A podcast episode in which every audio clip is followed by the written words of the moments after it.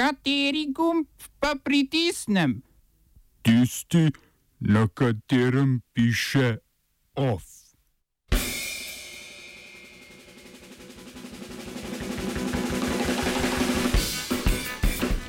Protesti staroseljcev v brazilski prestolnici. Deutsche Bank in Commerzbank razdrli ba bančno zaroko. Joe Biden naznanil kandidaturo na predsedniških volitvah 2020. Razstava žrtve šovinizma na slovenskem v galeriji Alcatraz.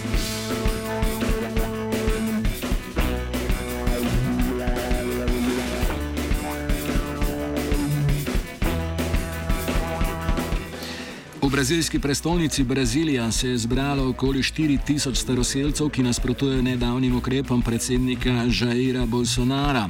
Protest z imenom Svobodna zemlja sicer poteka vsako leto, letos pa je po besedah predstavnikov staroseljskih skupnosti še bolj pomemben. Bolsonaro, Bolsonaro namreč od nastopa na predsedniško funkcijo januarja letos krči pravice staroseljcev. V svoji predvolilni kampanji je med drugim obljubil, da bo odpravil omejitve, ki v največjem brazilskem rezervatu rezervatu Janomami onemogočajo komercialno kmetovanje in rudarjenje. V rezervatu sicer že dlje časa probleme povzroča nezakonito izkopavanje zlata.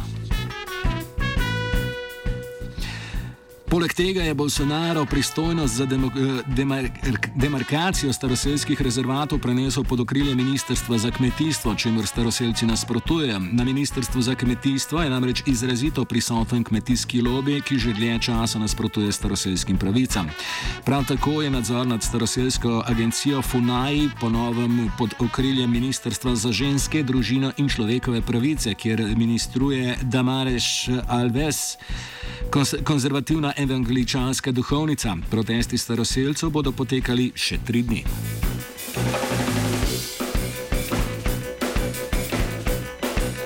Ostajamo pri gozni problematiki. Organizacija Global Forest Watch, ki združuje nevladne organizacije po celem planetu, je objavila poročilo o uničevanju tropskih gozdov leta 2018.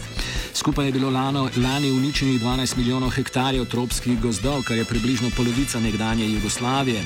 Prevedeno v bolj športno metaforo, vsako minuto je uničeno toliko površine tropskih gozdov, kot znaša površina 30 nogometnih igrišč. Lanski poseg je tretji največji, odkar je organizacija pričela beležiti poseg na globalni ravni leta 2001. Kar četrtina posekanih gozdov je bila uničena v Braziliji, desetina v Demokratični republiki Kongo, desetina v Indoneziji, velik del pa je tudi v Maleziji in na Madagaskarju. Svetla sprememba se je v zadnjih dveh letih pripetila v Indoneziji, kjer je bilo v primerjavi z letom 2016 posekanih 63 odstotkov prvinskih tropskih gozdov manj. Tamkajšnja vlada je namreč pred šestimi leti uvedla moratorij na izdajanje novih licenc za poseg.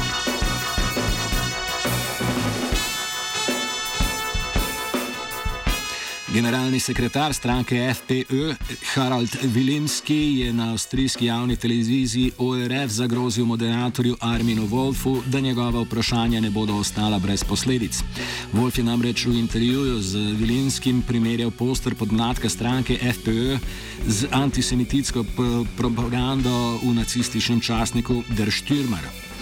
Poster prikazuje mlad svetlolaso modrook par v tradicionalnih avstrijskih oblačilih, obdan s sivimi osebami s prevelikimi nosovi. Nad parom se bohoti napis: Tradicija premaga migracije. Vilimskemu primerjava z nacistično propagando ni bila pri srcu. Desna koalicijska stranka FPÖ je sicer že dlje časa v slabih odnosih z javno televizijo ÖRF. Lani aprila je poslanec stranke Norbert Štegar, ki je tudi član odbora javne televizije, zagrozil, da bo opustil tretjino. Od, pardon, odpustil tretjino njenih dopisnikov zaradi neuravnoteženega poročanja o mačarskih volitvah. Prav tako se FPÖ že dlje časa zauzema za ukinitev obveznega prispevka za javno televizijo.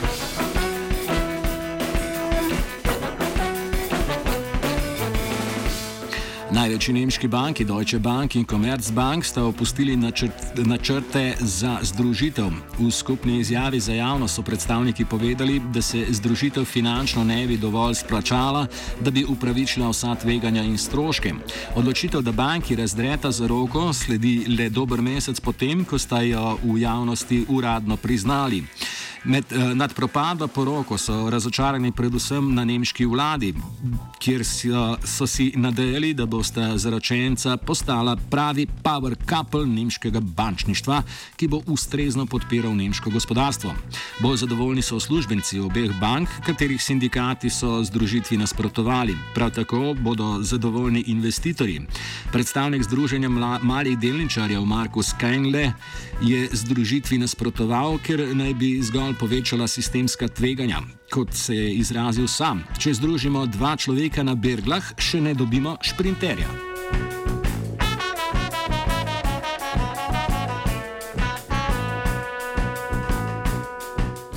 Svojo kandidaturo na ameriških predsedniških volitvah leta 2020 je naznanil tudi Joe Biden, ki je kot podpredsednik deloval v obeh mandatih Baracka Obame. S 76 leti je drugi najstarejši kandidat demokratov, tako za 77-letnim Berniejem Sandersom.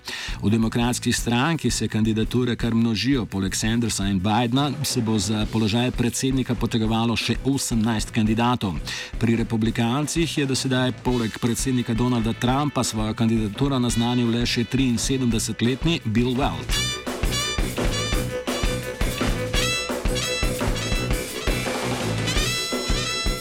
Kosovska volilna komisija je zavrnila štiri županske kandidature članov srpske liste. Četverici je tako že drugič spodletelo pri poskusu, da bi na komisiji dobili dovolj glasov za potrditev kandidature. Lokalne volitve naj bi se odvile v štirih občinah na severu Kosova, kjer so lani župani protestno odstopili, potem ko je kosovska vlada uvedla 100-odstotne carine na srpske izdelke. Trije od županov, ki so odstopili lani, so spet med kandidati, ki jih je tokrat zavrnila kosovska volilna komisija.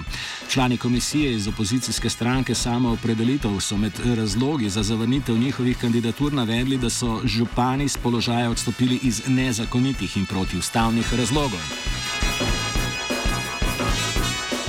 Prav tako so dodali, da od kandidatov srpske liste pričakujejo, da se distancirajo od izjave, da bodo z položaja ponovno odstopili v primeru, da so izvoljeni. Že v sredo je volilna komisija potrdila županske kandidate vladajoče demokratske stranke in opozicijske stranke samo opredelitev. Slednji v primeru, da bi bili kandidati srpske liste potrjeni v večinsko srpskih občinah na severu Kosova, ne bi imeli možnosti za zmago. Oba, če, če bom odgovoril na angliški. Slovenija bo poskušala pomagati. Slovenija bo naredila naš utmost, da bo rekla, da je situacija naš problem, naš problem. In bomo naredili nadaljnje korake, as soon as the conditions are. Bomo vlado Marjana Cererera Šarca podprli. Zelo, zelo resno. Slovenija. We know how and we will. Ministr za notranje zadeve Boštjan Poklukar je bil danes z lokalnimi prebivalci v Ilirski bistrici na posvetu o potencijalni gradni zbirnega centra za migrante pri Elšanah. V Ilirski bistrici je civilna inicijativa v sodelovanju z občino za soboto napovedala protest proti gradnji omenjenega centra. O osnovnih razlogih za ščuvanje javnosti proti migrantom domačin Jaša Montani. Tle vojaško-industrijski kompleks je posredi, zelo enostavno. Tle se, gre, uh, tle se gre za to, da bo nekdo masno zaslužil. Uh, seveda, kot vidimo v člankih, se, se pumpa tudi popolno zaprtje meje. Tisti, ki pozna geografijo, ve, da tam okrog Jerske bistrice imamo snežniško planoto, ki je pragost. In tam postaviti uh, zaprto mejo pomeni ne vem, 100-200 km neprestopnega terena prekopati, obdelati, postaviti straže in ne vem kaj, tu bo seveda nekdo mogel plačati. In gre se za to, da se man, manufakturira konsens. Več o tem v offsajdu ob petih.